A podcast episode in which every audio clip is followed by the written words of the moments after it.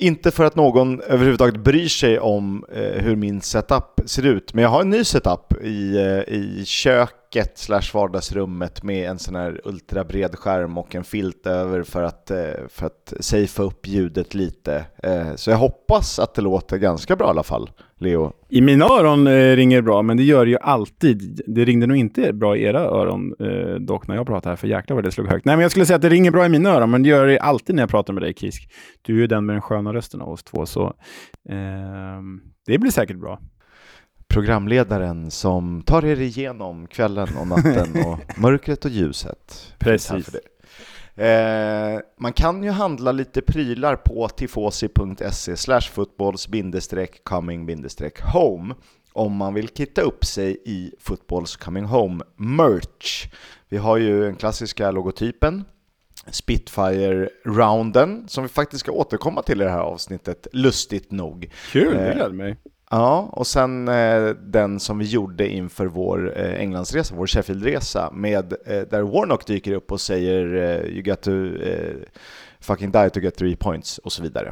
Ja, det kommer att komma mer. Vi laborerar ju med lite motiv här, lite Pucka-Pies-motiv och lite Robin Friday-motiv och så. Vi får se eh, vad det blir, men vi kommer hålla er uppdaterade, så eh, gillar ni eh, att klä, klä er i nördiga brittiska fotbollsgrejer som är knutna till den här podden, gå in då på eh, shoppen som Kiss precis nämnde, för det är ju kul eh, om ni vill göra det. Vi skulle käka Pucka-Pies eh, live, sa vi, eh, och test, mm. köra blindtest, men de finns ju inte i Stockholm. Eh, tydligen så finns det The British Shop i Göteborg, men du kan ju inte skicka frysvaror eh, givet, eh, ja, vad heter det? Livs, eh, det är livsmedelskrav och så vidare på det.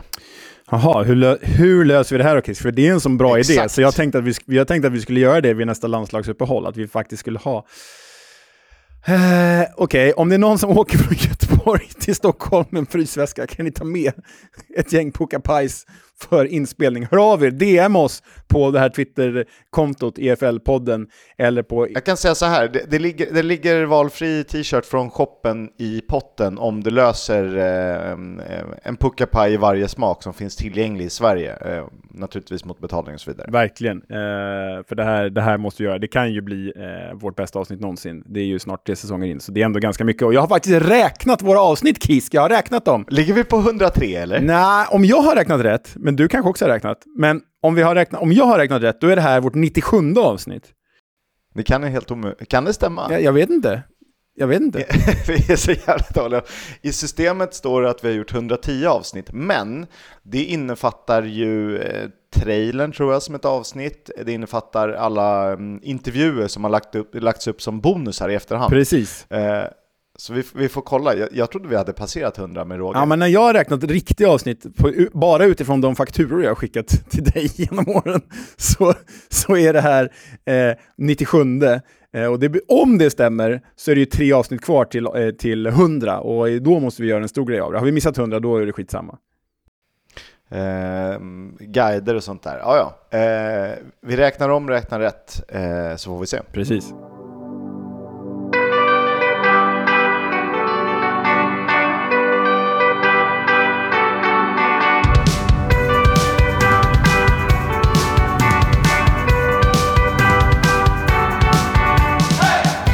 Lyssna på Footballs Coming Home, en podcast om Championship, om League 1 och League 2 med mig, Oskar Kisk, och med Leonard Jägerskiöld Welander som är jubilant glad över att Skottland i alla fall har gått till EM till skillnad från ja, Sverige. Men det är lite roligt, vi, vi vill ju ha alla eh, brittiska nationer med såklart. Det blir ju en extra puls.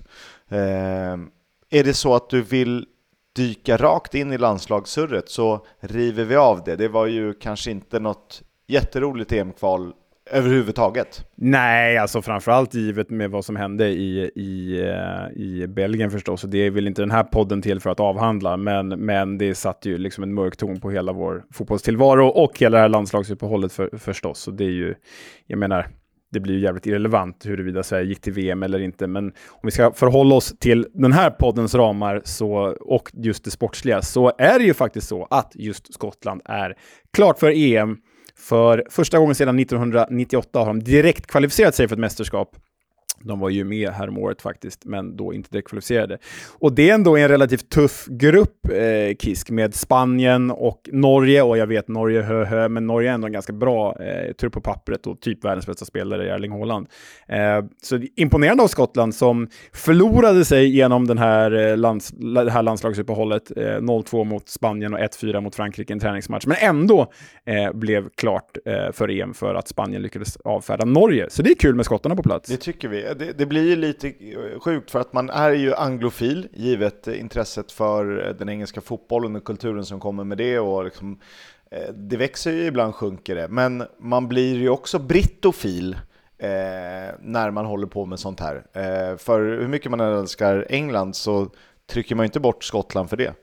Eller Wales. Nej, nej, alltså jag är ju, jag tror att vi har pratat om det här förut, jag är ju en superanglofil liksom, eh, fotbollskulturellt och eh, kulturellt och på alla möjliga sätt egentligen, förutom att jag verkligen ogillar det engelska landslaget. Så jag är ju verkligen, jag gillar ju Skottland mer så, eh, i, när det kommer till eh, fotbollslandslag. Så nej, jag är superglad här. Skottarna blir kul att följa i EM. Kommer att gå åt helvete som det alltid gör för dem. Men ändå, kul. Mm.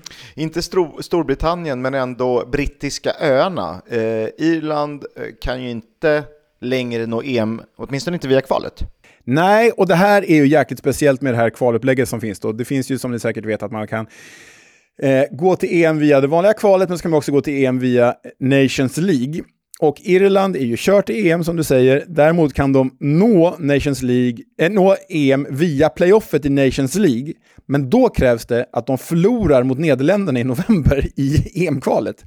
För om de förlorar mot Nederländerna så kommer eh, Nederländerna ta direktplatsen i, i EM-kvalgruppen till EM, vilket innebär att Grekland åker ner i den här eh, från samma EM-kvalgrupp, åker Grekland ner i, i röret här, som ni hör. Men de åker ner i playoff-potten tillsammans med eh, Irland. Och Irland ligger då högre än Grekland i den playoff-potten på grund av resultaten i Nations League. Och därmed får de en chans till en extra plats genom Nations League till EM. Skulle de däremot slå Nederländerna och Grekland ta direktplatsen i, eh, i EM-kvalet, då kommer Nederländerna ner till Nations League-potten och de trumfar Irland i den här Nations League-playoffet och tar därmed deras plats. Så de måste alltså lägga sig mot Nederländerna. De hade väl förlorat ändå, men de måste lägga sig mot Nederländerna för att ha en chans att gå till EM. Eh, eh, nummer ett, jag hoppas att vår eminente producent Kevin lägger på Arkiv X-musiken i bakgrunden när du förklarar det här. Nummer två, jag tappade det vid första gången du sa att de var tvungna att förlora mot Nederländerna. Helt moraliskt helt vidrigt. Eh, att det var lite som när Sverige skulle förlora mot ah, vilka fasen var det, för att få Schweiz i OS-hockeyn 2006, eh, liksom få en lättare lottning. Och det blev ja. väl så. Eh, sen vann de ju till slut, men ändå, det är mot idrottens principer, att du ska gynnas av att förlora matcher. Ja, nej, nej, nej, det, det är så felbyggt och det kommer ju komma mer sånt med nya Champions League-formatet och nej, det är bara det är bara... Alltså, kan vi ha ett jävla kval bara? Okej, de klarade sig inte, de missar, ja, då får vi satsa på nästa mästerskap, sparka förbundskaptenen, gå vidare. Exakt. Nej, nej det, det är ju skit. Jag vill bara, apropå den där OS-finalen du nämnde i hockeyn, vet du vad jag gjorde när Sverige spelade OS-final i Turin 2006? Du var i Turin? Nej, jag och mina kompisar tittade på ligacupfinalen mellan Manchester United och Wigan istället. Men de, de kan ju inte ha krockat va? Eller? Jo, de, krock, de krockade. Så det var vi gjorde. Va? Jag var ju i, jag vill minnas att jag gick i skolan då. Och att det här var under skoltid. Ja, jag får mig att det var en söndag, tror jag, eller lördag. Ja, det kanske var. Då kanske, Skitsamma, vad, vad gjorde jag kanske blandar ihop det med någon semi. Det är kanske jag som blandar ihop det, men det är mitt minne i alla fall att, att vi gjorde det. Och nåväl, tillbaka till Irland. Det var ingen bra... om de nu skulle kunna slå Nederländerna så lär de väl inte göra det ändå, för att i det här eh, landslagsspelet så torskade de 0-2 hemma mot Grekland. Det var Irlands sjätte raka förlust. Det är ju fruktansvärt dåligt. Och sen slog de faktiskt Gibraltar, hör och häpna, med 4-0 och min älskade Callum Robinson fick hoppa in och göra mål. Jag vet inte hur många gånger vi har nämnt det i podden, men du vet att min första, eh, eller jag såg Gibraltars första eh, officiella tävlingslandskamp. Eller, ja, den, du gjorde det i Estland? Ja, ja. det är rätt fett ändå. Andres Åpers sista landskamp också för Estland. Gammal ikon. det är bra. Ja, det var typ det. 1-1. Så jag är nöjd för... Estland spelade för övrigt 1-1 hemma mot Thailand i en landskamp i, nu i veckan. kanon. det här är ett landslag som mår, eh, om vi tycker att Sverige mår dåligt, eh, så mår Estland om möjligt ännu sämre. Men det är skillnad på kvalitet, absolut. Wales då, de ligger tvåa i sin grupp efter EM-klara Turkiet. Eh, de har samma poäng som Kroatien och det är två matcher kvar att spela. Ja, och de jagas ju faktiskt av Armenien sjukt nog, bara tre eh, pinnar bakom. Men det var ju en eh, fantastisk nyckelseger för Wales här. Först eh, ställde de av Gibraltar i en träningsmatch med 4-0. Stackars Gibraltar som förlorade med 4-0 mot Wales och Irland, så usla är de. Eh, Nathan Broadhead gjorde mål faktiskt, Ipswich-spelaren för Wales. Sen mötte de då Kroatien i en helt avgörande match. Jag menar, hade Kroatien vunnit den hade Wales mer eller mindre varit körda. Men Wales slog Kroatien mot all rim och reson och logik, för Kroatien var helt överlägset. Harry Wilson, Fulham Legend, gjorde och Cardiff Legend gjorde två mål, Wales bägge mål. Så Wales eh, lever ju, som sagt. De eh, eh, har det här i egna händer. Mm. Ett land eller en nation som inte lever eh, vidare i kvalet är Nordirland. De ligger näst sist i sin kvalgrupp. De är sex poäng bakom Finland, nio bakom Kazakstan. Eh, de vann mot San Marino med 3-0, eh, kanske ingen merit, men förlorade hemma mot Slovenien med 0-1. Ja, nej, Nordirland är ju tyvärr supersämst och kommer väl aldrig upprepa den bedrift de gjorde i EM 2016 när de åtminstone gick vidare i gruppspelet. Eh, slutligen då, England som ju spelade en avgörande kvalmatch mot Italien. Eh, de blev ju EM-klara, seger med 3-1 och Made in the EFL, Jude Bellingham, bäst i världen just nu. Ja, Ja, men det är, det han är väl en av liksom tre gubbar att nämna som bäst i världen just nu. Så fler IFL-personer kommer väl eh, dyka upp i de här sammanhangen eh, senare. Men eh, jag såg någon tweet eh, igår där någon skrev att eh, vem stoppar England från att vinna EM? Och då kände jag så här, ja men det är ju Jordan Pickford. ja, mm, ja, jo, kanske. Jag vet inte. Jaha. Vi får se. Det, vi, vi ska inte fastna i det Nej. nu. För idag har vi lite tid att gå igenom League One och det tycker vi är fantastiskt roligt. Vi önskar att vi hade ännu mer tid till att prata om League One. Eh, det spelades inte jättemycket matcher i helgen, det spelades endast fyra stycken. Detta då på grund av landslagsuppehållet som ju även påverkar tredje divisionen sjukt nog. En av dem spelades mellan Lincoln City och Burton Albion. Och Leo, du har ju fått eh, äran eh, det här avsnittet och kolla lite. Ja, alltså innan vi går in på den här eh, matchen Lincoln City mot Burton kan man säga att det var ett mittenmöte egentligen, men är det två av de klubbarna med bäst smeknamn i den engelska fotbollen? Vi har alltså The Imps, Lincoln, som ju har en imp i sitt klubbmärke. Hur, säger man, hur förklarar man vad en imp är på svenska? Vad är en imp? Är det en smådjävul? Är det det man säger? Eh, det låter ju faktiskt som en bra... Jag, jag kommer inte på någon bättre beskrivning. Ja, men The Imps mot The Brewers, alltså det är... Demon? De två... Ja, en demon, men en liten en demon. demon liksom. Ja. Ja. Eh, men The Imps mot The Brewers, det är ju bara, jag, jag, behöver inte ens typ gå igenom matchen, jag känner bara att jag är nöjd, nöjd med de smeknamnen. eh, men det blev i alla fall 1-0 till gästande The Brewers från Burton. Eh, de vann eh, tack vare Lincoln City kan man säga, för på inom loppet av tre minuter i den andra halvleken så drog de på sig ett rött kort, hemmalaget Lincoln. Daniel Mondrio fick det röda innan Jack Burrows gjorde självmål, vilket innebar att Burton kunde vinna den här fighten. Eh, och Lincoln, The Imps, som ju är mitt gäng av de här två om jag måste välja, de åkte därmed på sin tredje eh, förlust på de fyra senaste matcherna och är därmed förankrade i mitten. Dock bara en poäng bakom eh, The Brewers som ju gick om Lincoln då. Men Sjukt nog är Burton obesegrat i sju matcher och ändå är bara ett mittenlag. Det, om vi ska stanna vid eh, tabellen, det ska vi inte göra, vi ska göra det alldeles strax. Eh, vi kan ju ta det då, vi kan ta matcherna eh, som de kommer. Carlisle mötte Leighton Orient, till allas stora glädje så vann The O's eh, den här matchen, bortaplan med ehm, bekväma 1-0. Ruel Sotirio, vilket jävla namn. Ja, man, och bara man säger Ruel bör man ju tänka på Ruel Fox, och det gillar man ju. 100%. eh, men Orient med häng på playoffplatsen ändå, det gillar man. Jag tror att de ligger 10 i tabellen, eh, har bara tre poäng upp till, till uh, Bolton på playoff där. Eh, och det är ju svinfett om vi skulle få upp Leighton Orient i The Championship. Det är ju något man verkligen önskar.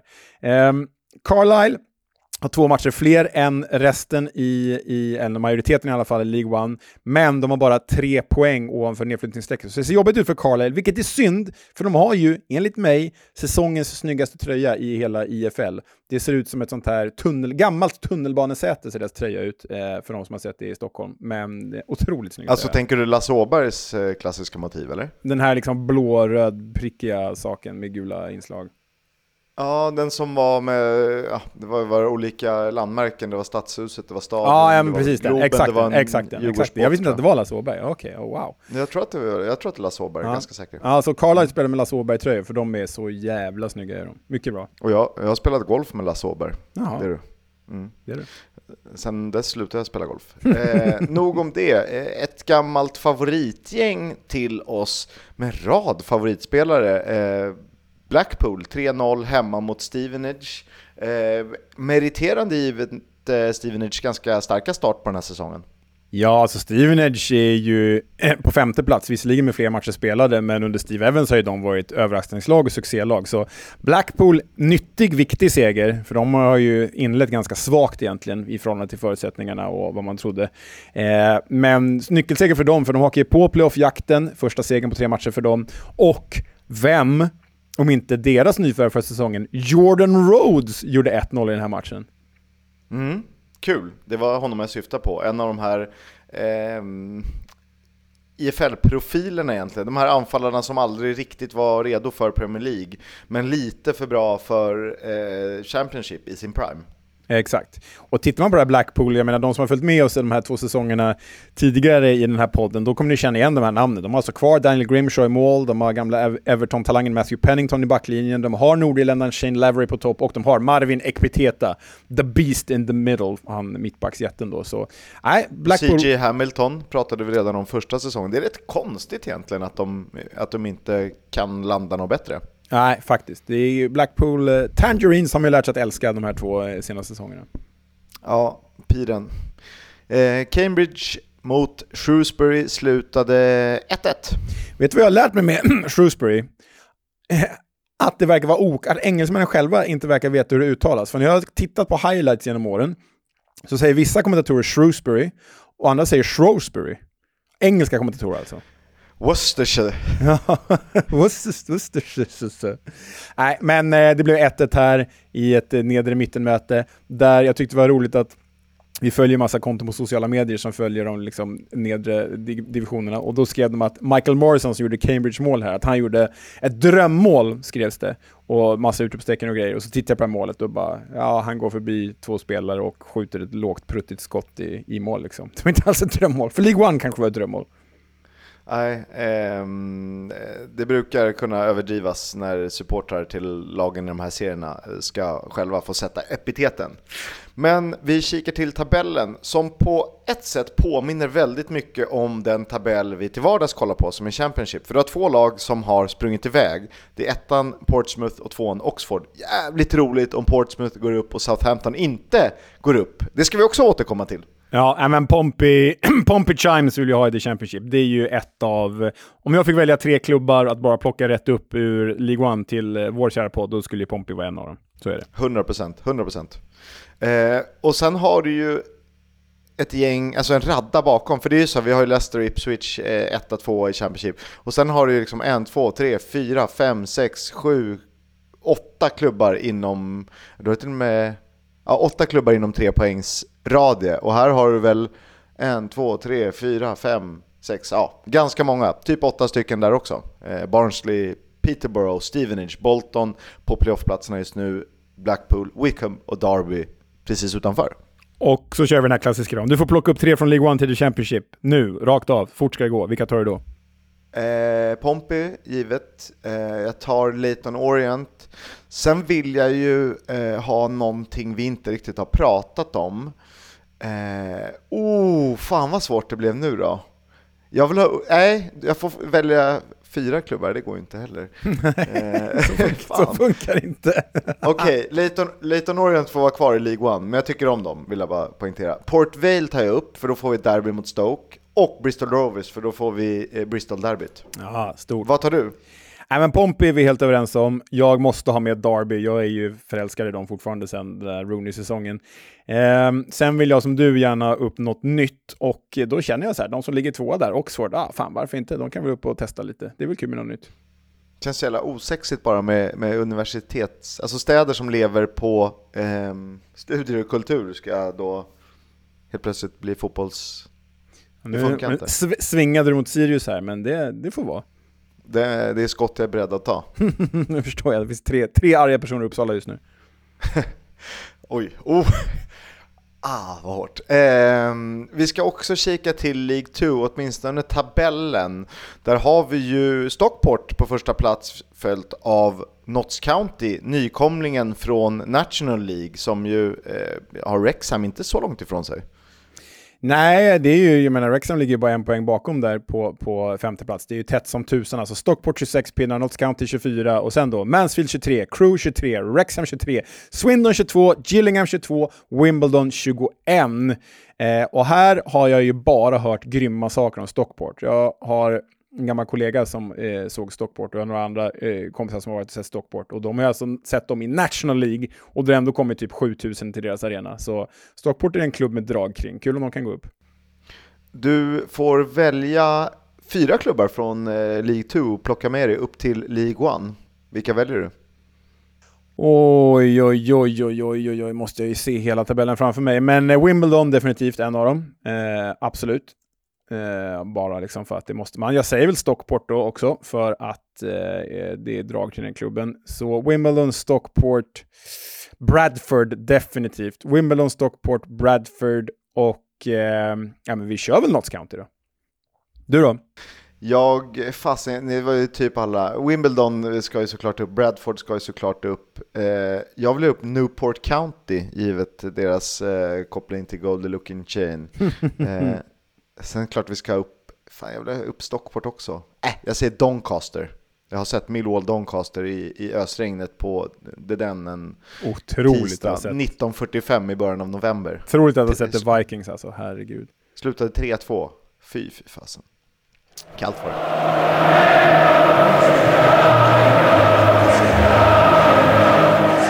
Fotbolls Coming Home sponsras av Stryktipset, ett spel från Svenska Spel, Sport och Casino. För dig över 18 år. Stödlinjen.se. Alltid kryss i match 13, eh, sa Niklas Holmgren, brukar många tänka. Och det är ju ett eh, överrepresenterat drag i den sista matchen på kupongen. I det här fallet eh, möts både Swansea och Leicester i en eh, ganska härlig fight och ingen verkar ju kunna stoppa serieledande Leicester som ju ångar fram genom Championship som ett godståg. Men om man vill hitta lite värde på kupongen kanske man ska titta mot formstarka Swansea som är obesegrade i de fem senaste med fyra raka segrar i ligaspelet. Jerry Yates funkar som Pirou-ersättare, Patterson är tillbaka, Charlie Patino är nästan säsongens lagbra. Dessutom sprider man ut målskyttet över flera spelare, Grimes och Cooper på mitten, Jamal Lowe med Ginnerly, Cullen och Koharevic på topp. Eller går man i fällan när man inte litar fullt ut på seriens i särklass bästa lag? Med tanke på att för många spelar krysset så vill jag nog få med en gubbgardering i denna match. Jag säger nog 1-2 i match 13 och hitta lite värde när jag tror att många kommer gå på Foxes sidan. Och jag vet ju att du har grävt fram en riktigt härlig match i helgen, Leo. Ja, nej, men först och främst vill jag bara säga att det är fredagsmatch igen. Rotherham Exakt. från New York City Stadium mot Ipswich Town och det kan väl bara sluta på ett sätt. Fan vilken, fe fan vilken fet match ändå. Ja, det blir härligt. Vi borde, det är dags att snacka med Victor Johansson också känner jag. Eh, mm. Han har ju landslagsdebuterat nu också. Ja, precis. Så det är stort. Eh, nej men... Eh, Eh, den ska man ju titta på förstås. Sen är ju liksom den på pappret kanske bästa och roligaste matchen eh, på lördag 16.00. Det är ju eh, Norwich Leeds. Men jag gillar ju, jag vurmar ju för den där botten. Det är ju Huddersfield QPR. Åh, oh, så fint det ska bli. Och sen vill jag bara påminna om att Danny Röhl gör sin första tävlingsmatch som tränare för Sheffield Wednesday borta mot Watford. Det måste man hålla koll på. Det kan ju inte sluta annat än tre poäng. för Watford menar du då?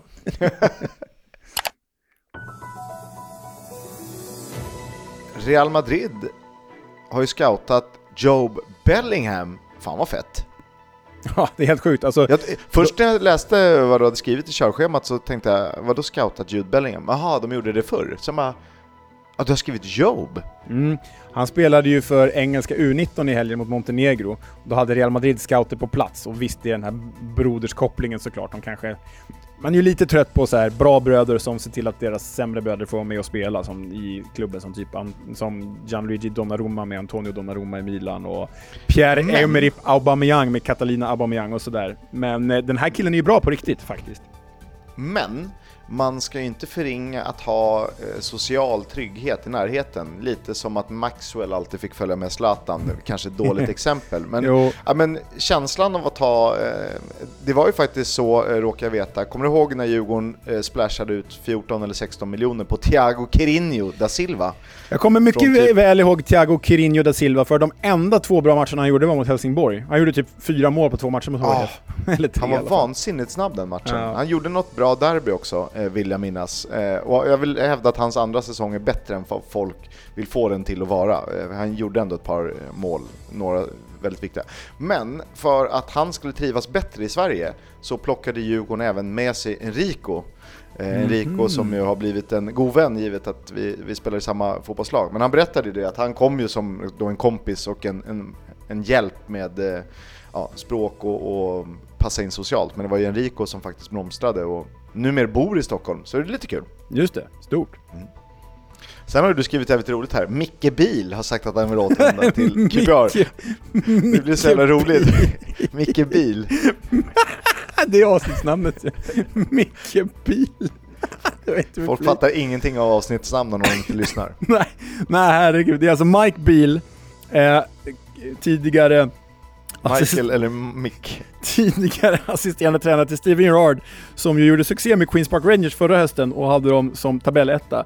Han har ju nu fått sparken från Rangers i Glasgow, det vet vi sedan någon vecka. Men han har nu uttryckt sitt starka intresse över att återvända till QPR och sätter därmed press på klubbstyrelsen, på sportchefen om att sparka Gareth Ainsworth. Och jag känner så här. Jag känner så här. Mike Beal, såklart bättre tränare än Gareth Ainsworth. Det vet vi.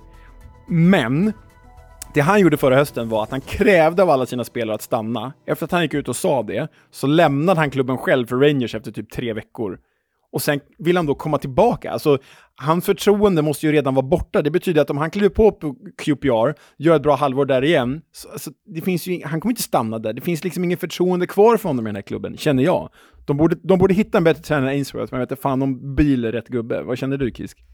Det, det, första spontana tanken är ju bara kör, det är klart han ska tillbaka. Men du, du är ju helt rätt på det och eh, det är en jävligt hög risk eh, det, han tar här, eller QPR skulle ta, för skulle, alltså det kan bara gå dåligt för QPR på lång sikt. Vadå? Det är inte så att han kommer stanna resten av karriären, han vill väl vidare sen igen. Och eh, vad ska QPR, alltså nej, det, är för hög fallhöjd eh, tycker jag. Och de är ju ett bottenlag. Så att han, det är rätt tufft för honom också ska vända den här trenden.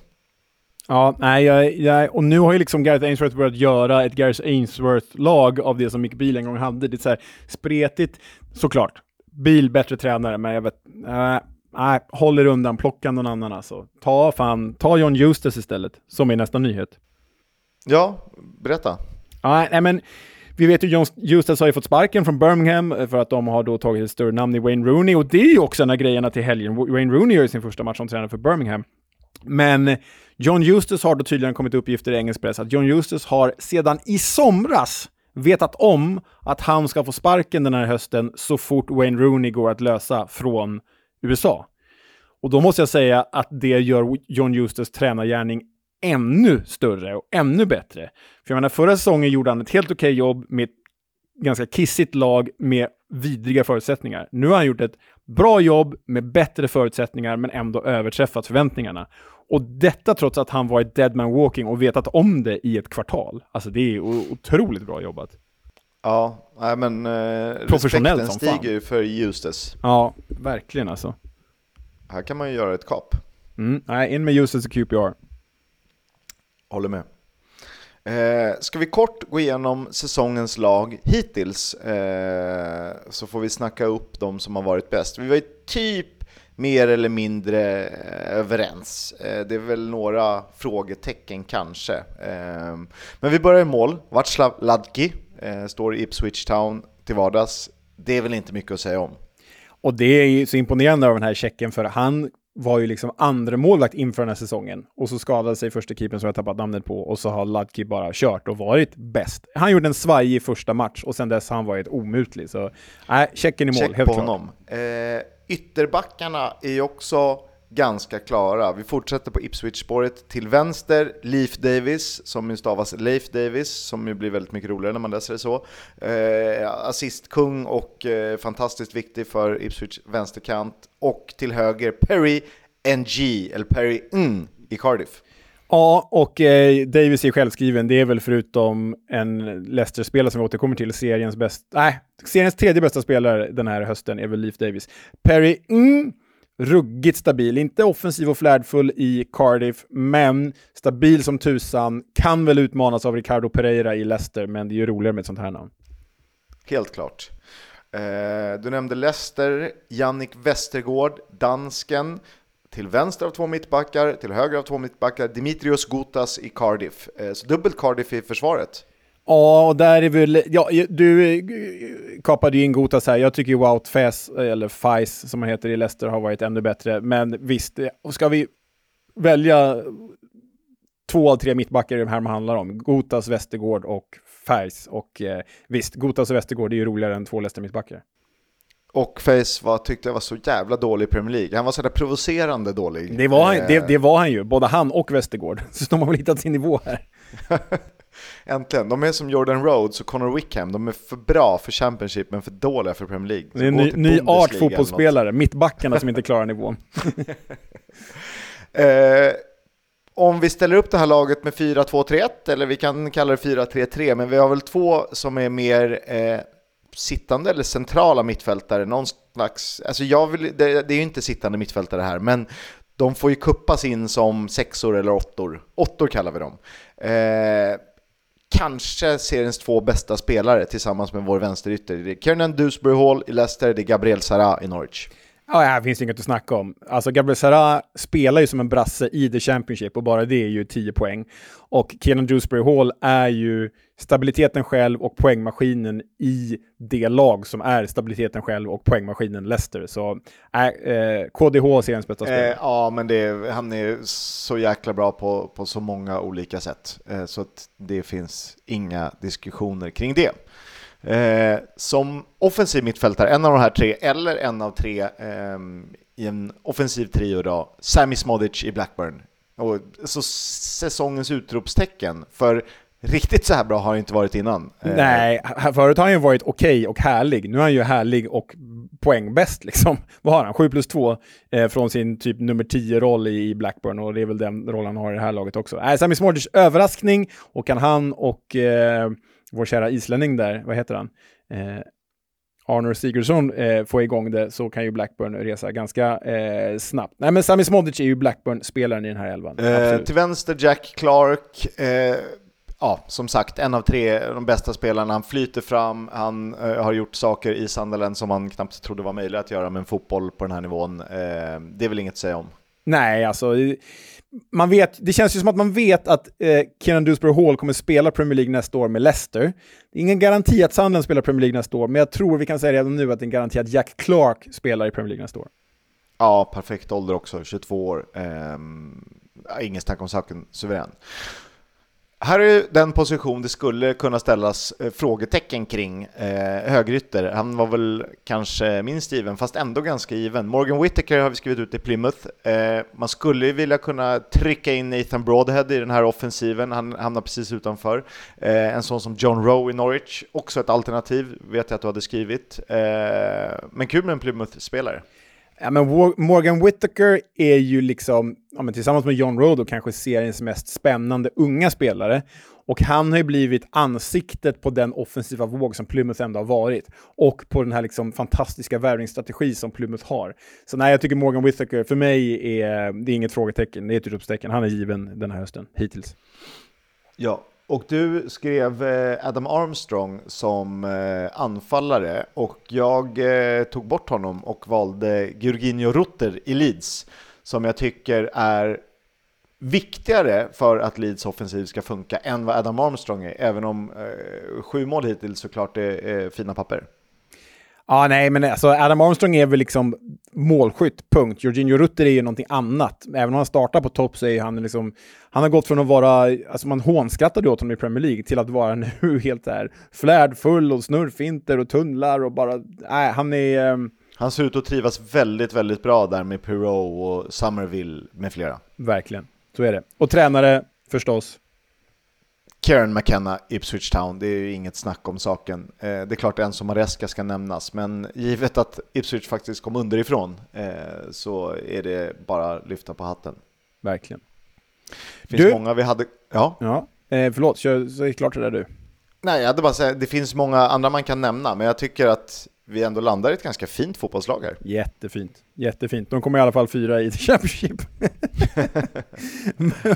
Men du, nu har det blivit dags för The Club. Det var ett tag sedan. Du har ju tagit på dig den ack så fina svenska kostymen att ge oss eh, Southampton. Kanske till och med nordiska kostymen.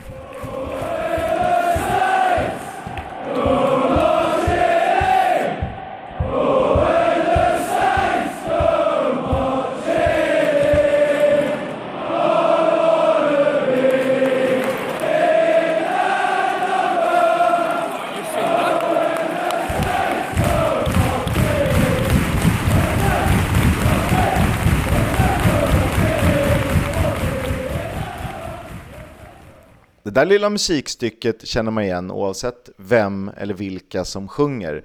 Eh, någon eh, officiell snygg inspelad hymn hittade jag inte, eh, så det fick bli med folk på läktarna. Den 21 november 1885 tog St. Mary's Young Men's Association FC, förkortat St. Mary's YMA, sina första stapplande steg efter grundandet i St. Mary's Church i Southampton. Inledningsvis spelades matcherna på Southampton, eller i Southampton Common. Och det sägs att de ofta avbröts av förbipasserande som krävde sin rätt att promenera fritt i den stora parken. Jämför det med typ Humlegården eller Central Park, eh, en stor grön yta, eller eh, ännu bättre, vad heter det, Hyde Park. 1894 klev man in i Southern League som Southampton St. Marys och några år senare vann man ligan, bolagiserade klubben och blev Southampton FC. Runt sekelskiftet var Southampton Southern Leagues storklubb och totalt vann man mästerskapet vid sex tillfällen, vilket banade väg för en flytt till nybyggda The Dell, som då kostade 10 000 pund, eh, vilket skulle motsvara 1,6 miljoner pund idag. Lät ganska billigt att betala 16 miljoner för en fotbollsarena. Ja, verkligen. Inte för att du och jag har råd, men visst. Nej, men om vi, om vi lånar upp oss över öronen så hade vi lätt kunnat bygga en arena där. Och idag räcker 16 miljoner kronor till ett skjul i Stockholm. Så är det. Ja, om man har tur. 1904 blev Southampton historiska som första brittiska klubb att turnera i Sydamerika, närmare bestämt Argentina och Uruguay, varpå fler valde att följa efter. Och på tal om resor västerut, Southampton är ju känt, eller kanske mer ökänt, för att ha vinkat farväl till RMS Titanic på Jungfruresan, tillika sista färden eh, sedermera mot New York via Paris var det väl. En stad som på många sätt präglats av sjöfart givet det praktiska läget på den engelska sydkusten. Även fartyget Mayflower seglade från Southampton på 1600-talet, även om då, då gick via Plymouth till Massachusetts, med de som ju kallade The Pilgrims, om du kommer ihåg. Efter första världskriget tog Southampton plats i nybildade Football Leagues Division 3 som ytterligare ett år därpå delades in i en nordlig respektive sydlig grupp. Southampton vann den södra trean och tog sig upp i andra divisionen i en sejour som skulle komma att sträcka sig över tre decennier, inklusive ytterligare ett världskrig. Och världskriget var tufft för Southampton. Nazityska Luftwaffe bombade sönder staden Southam i Southampton Blitz 1940. Mycket på grund av stadens då strategiska läge vid kusten. Och The Dell var en av platserna som drabbades allvarligt. Detta ledde till att Southampton en kort period fick spela på Fratton Park, alltså hos värsta rivalerna Portsmouth. Och det är inte bara på grund av att städerna är närbelägna. Eh, jag ska försöka förklara det som jag har förstått det. Portsmouth var hem för Royal Navy, alltså den kungliga flottan, och Southampton för handelsflottan, Merchant Navy. Det sistnämnda eh, var då eh, några som såg till, eh, såg till sjöfarares kommersiella intressen i brist på bättre förklaring från en novis på området. Och därför var det väldigt eh, impopulärt hos de andra, några som eh, försökte tjäna pengar på det här istället för några som försökte eh, leva på det. Eh, eller hur ska man förklara det? Har du något bättre? Nej, nej, du, jag är ju fan sjösjuk på att titta på vatten. Jag älskar att, jag älskar att simma och bada, men båtar, det, det får du ta hand om. Det, det, det, du, du är båtansvarig i den här podden. Helvete, nu står jag ensam här på Titanic och, och ska försöka förklara för dig. Men det är så jag har förstått det, att det var eh, de, de statliga mot de, de kommersiella. Och det är en av anledningarna. Lite som att det finns, det är inte bara att Liverpool och Manchester United har varit två bra klubbar utan att det har funnits eh, historia längre bak i tiden. Men det här, det här är ju eh, definitivt ett topp 15-derby i Storbritannien. Det är generös ranking. Oh! men visst, det är ju ändå fan för att en part ja, brukar låta men, derby. Men du kan, nog, du kan nog hitta 30 derbyn som är riktigt tunga. Och ja, där ett faktiskt. sånt här derby skulle kunna hamna precis utanför, beroende på hur långt ner i systemet du går och, och ser till liksom folks intressen. Absolut. Vi måste ranka derbyn i något avsnitt. Kul! Klart vi ska göra det. Eh, det klassiska flygplanet Supermarine Spitfire har också sitt ursprung i Southampton eh, och det är ju Royal Air Force Rundel som givit upphov till eh, den här poddens logotyp om man tänker på saken. Som bäst eh, har Southampton, var Southampton 0,06 av ett mål, det var ju så det räknades på den här tiden, ifrån uppflyttning till finrummet 1950 men föll på målsnöret gentemot färgbröderna i Sheffield United. Och faktum är att så länge det finns bevis har Southampton spelat i rött och vitt. Från en River Plate-rand via rutigt och 50-50-tröjor till rödvit randigt med start i början av 1900-talet. Jag kommer ihåg när de gick upp med, med Nigel Adkins i, som tränare i Premier League där med Jason Punchen och det gänget, Adam Ballama-killarna, Nathaniel Klein där för, vad är det, 13 år sedan. Då hade de den här River Plate-randen på sitt bortaställ. Så jävla snyggt Som alltså. en hyllning till den första tröjan. Ja, mycket bra. Tillbaka till fotbollen då. Tredjeplatsen var dock inte början på något stort, utan snarare tvärtom när Southampton 1953 var tillbaka i Division 3 South. Och det dröjde till 1960 innan man var tillbaka i andra divisionen, med Derek Reeves, en av klubbens stora målskyttar, som skyttekung. Och Terry Payne i laget. Samme Payne som var en viktig del när Southampton 1966 för första gången i klubbens historia tog klivet upp i engelsk fotbolls finrum. Och inte nog med det, han var en del av det den engelska trupp som lyfte VM-guldet samma år, 1966 alltså. Förvisso bara ett framträdande mot Mexiko och utan medalj efter att inte ha fått spela i finalen mot Västtyskland. Då var det bara de som... Jävla ruttet bara de som fick spela finalen som fick medalj, alltså. det är ju trist. Det ska ju tilläggas att de fick sin medalj i efterhand när eh, FA eh, och andra ställde krav mot eh, Fifa. Eh, men det dröjde typ 30-40 år eller något sånt där. Åh oh, herregud. Ja. Eh, med i Southamptons historiska 1966-gäng var också Mick Channon, då en ung talang, sedermera klubbens främste målskytt genom tiderna och en av de stora i The Saints. Och varför The Saints? Ja, det blir ju ganska uppenbart när ni vet att klubben inledde som St. Mary's Church och allt det där. Men den kanske största personen, i vissa sammanhang kallad Mr Southampton, var Ted Bates. Han tillbringade stora delar av spelarkarriären i Saints och blev direkt efter manager för klubben och han var den som ledde laget till First Division. Väl i toppen blev det åtta säsonger där sjunde placeringarna 1969 och 1971 var solklara höjdpunkter. Vilket ledde till spel i Intercities Fairs Cup och dess efterträdare Uefa-cupen. Ted Bates klev av skeppet något år senare och gjorde plats för Laurie McMenemy. Och även om han åkte ur med klubben så var han något på spåren. För från mittenplaceringen i andra divisionen tog han Southampton ut i Europa. Genom FA-cupen såklart. Saints skrällde mot Manchester United på Wembley och tog 1976 sin största och hittills enda stora titel. to Stokes who's onside! 1-0!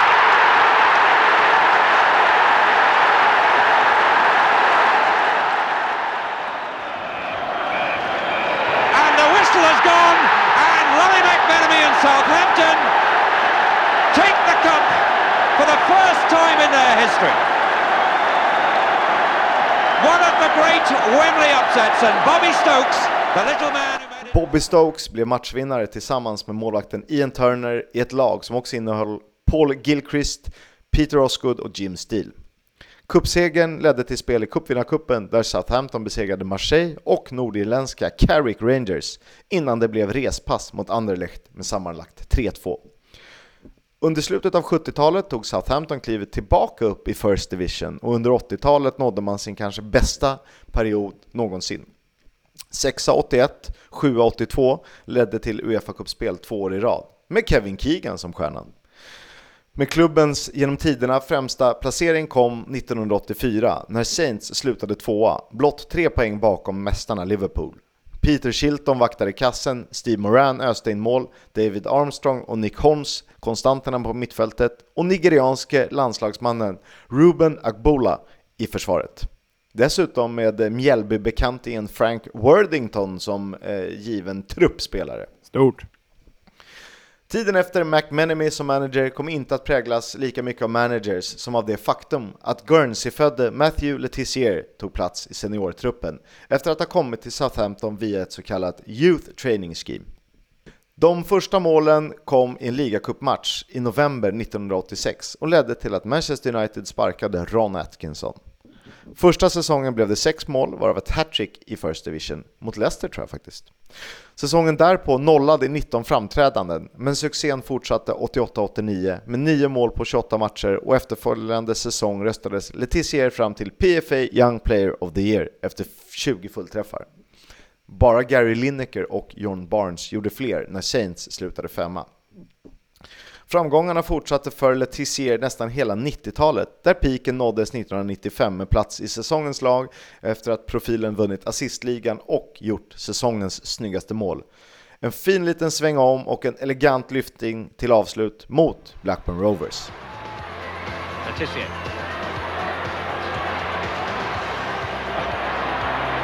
He's going for goal again! Oh! Just snygga mål blev ju lite av ett signum för Letizier som när karriären summerades hade gjort över 200 mål för Saints. Var, har du något liksom, minne mer än att det här är ju en av de spelarna man växte upp med? Nej men alltså, Letizier var ju Eh, det är ju rätt att, lätt att romantisera och nost, liksom lägga ett nostalgiskt skimmer över den här typen av spelare. Men han är en sån spelare som inte får plats i dagens fotboll eftersom att han var lite rundhylt, var lågt tempo, ganska lat spelare. En liksom fet Dimitar Berbatov eller Dennis Bergkamp, förlåt, men han var ju fantastisk. På samma sätt som Bergkamp och Berbatov var underbara att kolla på, var ju Letizia det också. Det är lite så här Quagliarella, kunde ju bara alltså, göra snygga mål. Precis det jag tänkte säga. Jag tänkte säga att eh, Letizier var Englands Quagliarella, men då får man ju välja på, vända på det. Men liksom eh, spelare som är så... För vi mötte ett lag i Stockholm Cup i veckan där man såg att det här är definitionen av eh, svenska akademiprodukter. Sjukt duktiga på att spela fotboll, eh, eh men och de eh, slaktade oss med 10-4 så jag ska ju bara sitta ner. Men det de saknade var X-faktorer. Alltså de hade behövt en Balotelli-typ som gick och pillade sig i naven och sen drog upp en, en rökare i krysset. Typ en Letizier som tog bollen på mittplan och bara lättade den över målvakten. Eh, någon som sticker ut. Och det har väl pratats i vissa sammanhang om att eh, man, får, man fostrar lite för likadana spelare va? Ja, så är det ju. Det är ju, det är ju något för typ Anders Svenssons Skillspodden tror jag, med ett sånt ämne, eller Offsides med Anders Bengtssons vurmande för ungdomsfotbollen. Men just Letizier var ju liksom, hans genialitet innebar ju att han inte behövde vara något fysiskt unikum. Han kunde bara vara genial. Precis på samma sätt som Bergkamp eller Sola liksom. Och den typen av spelare älskar man ju. Det som är synd med Letizier och Letizier hade ju det att han var one club man också, men det som är synd med Letizier är att liksom fallet från den fantastiska fotbollsprofil han var till det han är idag är ju stort. Jag vet inte om du har sett Kisk, men han har ju blivit en man av konspirationsteorier. Eh, sitter ju och häver ur sig saker som att liksom... En engelsk Peter Wahlbeck va? Ja, men månladdningen var fake. Eh, ta inte covid-vaccinet för att det finns chip i dem och Bill Gates övervakar er. Eh, du vet, eh, det är... Men, men, men han sitter själv med en iPhone och är därmed övervakad dygnet runt, absolut. Ja, ja. Nej, men det, Nej, han, han, han, har blivit eh, lite för speciell för min smak i alla fall. Så. Han har ju också, eh, för han har inte blivit så Neil Warnock Brexit, det var bättre förr-gubbig, utan han har blivit på ett så här ganska svettigt sätt. Ja, nej men verkligen. Man har sett. Ja, nej, men det är lite obehaglig utveckling där. Synd på en av engelsk fotbolls finaste spelare, i alla fall från min uppväxt framåt. Håller helt med. Eh, vi måste ju också stanna vid, vid eh, akademin och spelare som kommit från eh, Southamptons akademi. Alan Shearer, Kevin Phillips och Dennis Wise, om vi nämner eh, tre spelare innan millennieskiftet.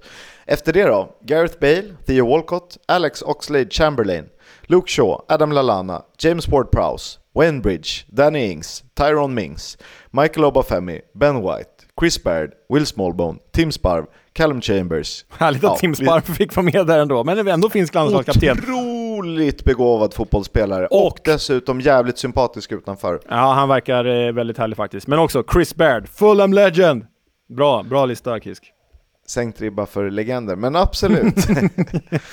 Eh, André Vias Boas tycker man vill om honom, tidigare manager i Chelsea och Tottenham, har ju hyllat Saints Akademi för dess skicklighet att utbilda talanger och han jämförde den med Sporting Club de Portugal och ingenting annat eh, som motsvarighet då. Dessutom jobbar ju klubben med att plocka upp talanger som kan ha missat stipendier för att få dem att spela längre i hopp om eh, ja, mer framgångar i förlängningen, men också att du, eh, du breddar eh, talang, liksom, talangspektrat.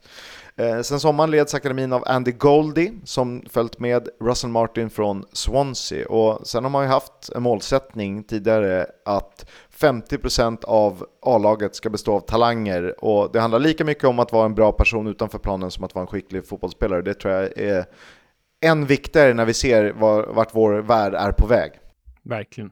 Southampton då? Jo, de var ju med och bildade Premier League till säsongen 92-93 och höll sig kvar fram till 2005 innan man degraderades. Men då visade det sig att akademin eh, skulle få liksom, visa sig från sin rätta sida och eh, blev, trots degraderingen till League One, en viktig pusselbit i det lag som du nämnde, som Nigel Adkins tog tillbaka till Premier League 2012. Strax efter millennieskiftet hade klubben dessutom flyttat till St. Mary's Stadium och det var ju spirituellt om något givet nya arenans närhet till St. Mary's Church. Och väl i finrummet hade de ju ett otroligt lag. The Holy Goalie, Artur Boruc i mål. ja. En eh, försvarsfyra med Klein, Fonte Heufeld, eh, svensk mästare med AIK 2009. Luke Shaw, Fonte, eh, en av världsfotbollens mest underskattade mittbackar i modern tid skulle jag säga. Ja, han, är, han, han blir väl bara bättre, han är väl typ 40 år och spelar väl fortfarande i Lille va? Ja, nu är han i Braga faktiskt, men ja. Just det, men han var i Lille förra säsongen Jajamän. va? Jack Cork, Morgan Schneiderlin sittande, Panchon Lalana, Rodriguez framför och Ricky Lambert på topp. Eh, det här var ju Adkins lag då som eh, spelade kort i Premier League. Sen blev det ju bättre och bättre eh, i och med att man tog in Pochettino. Han lämnade sen Koman och Poel. Det gick väl inte så jättebra med dem, men de slutade sexa 2016. Fraser Forster, Cedric Suarez, van Dijk, Fonte, Bertrand, Wanyama, Davis, Tadic, Graziano Pelle, Sadio Mané, Shane Long och så har de en bänk med typ Jordi Klasi, Oriol Romeo, Martin Stekelenburg, favoritmålvakt, James Ward-Prowse med flera.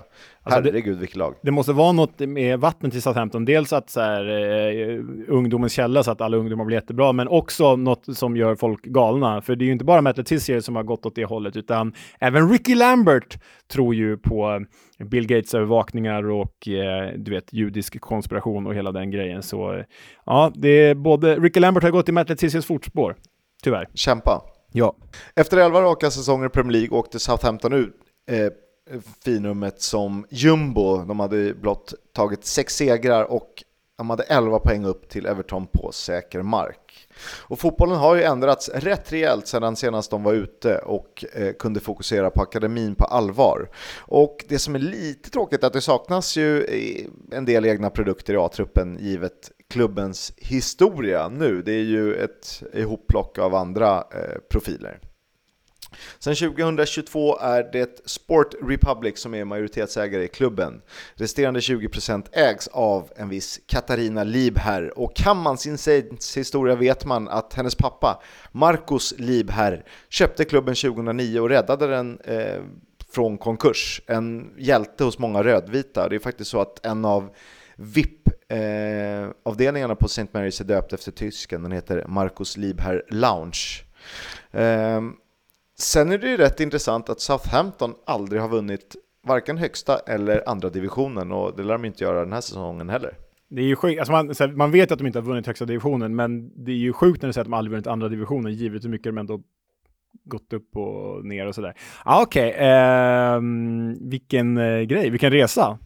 Ja, speciell är den. Mm. Eh, höga toppar, djupa dalar. Men man ser nog, eftersom vi växte upp med Southampton som var givna i Premier League och med Letizier och med flera, så tänker man nog att det var en större klubb än vad de faktiskt var förr.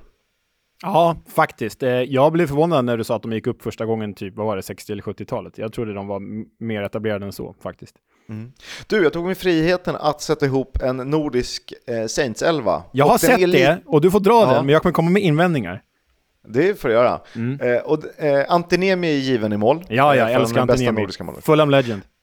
eh, jag vet vem du saknar i mittförsvaret. Eh, men det är så här, de har ju, det är ingen nordisk vänsterback som har varit riktigt bra och framträdande. Så Jannik Westergård fick eh, vikariera där. Jag vill inte bygga någon trebackslinje med det här. Så mittbackar, Mikael Svensson, Klaus Lundekvam och det beror på att Mikael Svensson spelade fler matcher än Andreas Jakobsson ja, i men Mikael, Mikael Svensson var ju mer, alltså så här, jag älskar ju Andreas Jakobsson mer än, än typ någon annan svensk mittback genom tiderna, men Mikael Svensson var ju mer uppskattad och bättre i Southampton än vad Jakobsson var. Så, och Lundekvam är ju liksom superlegendar i Southampton, så de ska Exakt. vara där, det håller jag med om. Och sen ska vi trycka in Mikael Nilsson på högerbacken, det är väl ingen snack om saken. Eh, spelaren som lirade division 6-fotboll till han var 20 tror jag. Mm, på sittande mittfält Pierre-Emil Höjbjerg och Tim Sparv, inget att säga om. Till vänster... Här, här, det här jag vill komma med en invändning. Jag vill ändå slänga in ja. Anders Svensson mot Tim Sparv, säger jag nog. Ja, det kan du få göra om du vill. Kul! Det måste, måste bli lite diskussioner. Men jag ser inte honom som Southampton. Det är kanske också för hur stor han var i Elfsborg och hur viktig han var i landslaget så att man inte kopplar den. Kanske. Alexander Östlund, Mohamed Elionossi på kanterna, Egil Östenstad eh, som anfaller, jo Tessem sittande. Eller inte sittande, släpande menar jag. Ja, det är ett jävla namn. Klassiskt namn. Man, han och, men var han spelade med? Jo, Tessem spelade med den där Brett Ormerod. ja, just det. Ormerod. Mm. Har du något du vill eh, trycka in i Southampton? Ja, men jag, måste, jag måste bara peta Tim Sparven då. Alltså, han gör noll A-lagsmatcher för, för Southampton medan Anders Svensson, jag kollar nu, gör 127. Men Anders Svensson ja. måste in där. Ja, men det, det, är, det är rimligt. Det är bara att, eh, ja, du, du har helt rätt. Det är bara att jag sen vurmar för Tim Sparv. Jag ja, verkar vara en så jävla fin jag, människa jag också. Håller med, håller med. Ja, och det är kul att lyfta akademin. Men visst, du får din Anders Svensson där. Yes. Grattis. Toppen eh, Kiss, det här var ju svinbra ju. Mm. We'll have a chat about the fucking game. About your game, last few months, last few weeks. Fucking character. Ja, veckans Warnock är en riktig galen jävel och det har vi ju längtat efter. Det har inte varit så roligt eh, på länge. Och nej, det är inte Matt Letizia eller Ricky Lammers konspirationsteori vi landar i. Det här är Dorkings manager Mark Whites intervju efter deras fa Cup-förlust i helgen. Och vi kan väl lyssna på hur överlyckligt jävla olycklig han var. They, they deserve to be, uh, fully deserve to be in the draw and hopefully I really hope uh, they get something um, amazing that's life changing. So my fucking shit players can learn a fucking lesson because they were so poor. And I'll tell you one thing, I will always put my hand up. It's not about availability, injuries, who was returning, who wasn't. It wasn't about that at all. Um, it was about the fact that that team let the fans down 100%, wholeheartedly. Sometimes I get the management team to take the blame, part blame, some blame, whatever. Today was wholeheartedly a bunch of players that were absolutely shit. Han är, han är, men är det, är det honom som de följer i någon slags eh, sociala medier-dokumentär? Ja, det vet jag inte, det är mer än vad jag vet. Kul i så fall, för då måste jag... För jag, eh, det är han med den här sköna kepsen och så här dunväst som ser ut som att han har du vet, rånat någon butik på Kungsgatan. ja, det kanske så eh, Jag brukar se honom dyka upp på Instagram ibland. Han, är, han, han använder ordet eh, FUCK eh, oftare än vad Tupac Shakur gör i eh, låten Hit em up. Han är Helgalen. Ja, bra liknelse. Nej, du, ehm, nej, den är otrolig. Den här killen vill man ju se mer av. Vi, ska försöka få, vi borde försöka få in honom som en gäst i den här podden. Alltså, jag kollar på det här klippet typ åtta gånger. Det är så roligt. Ja, mer, mer Mark Whites i världen, i alla fall som fotbollstränare. Ja, jag håller med. Eh, frispråkighet eh, är bra. Eh, högt, i hö- högt i tak och låg moral, klassiker. Verkligen. Hörni, tack för idag. Det kanske är så att vi landar under timmen och det vore ju historiskt. Eh, Det sker ju inte för ofta eh, med podden som älskar att höra sina egna röster. Jävla tung omgång till helgen. Eh, köp lite merch och fixa pucka pies till oss. Snälla, snälla, snälla. Heja Göteborg! Hej då!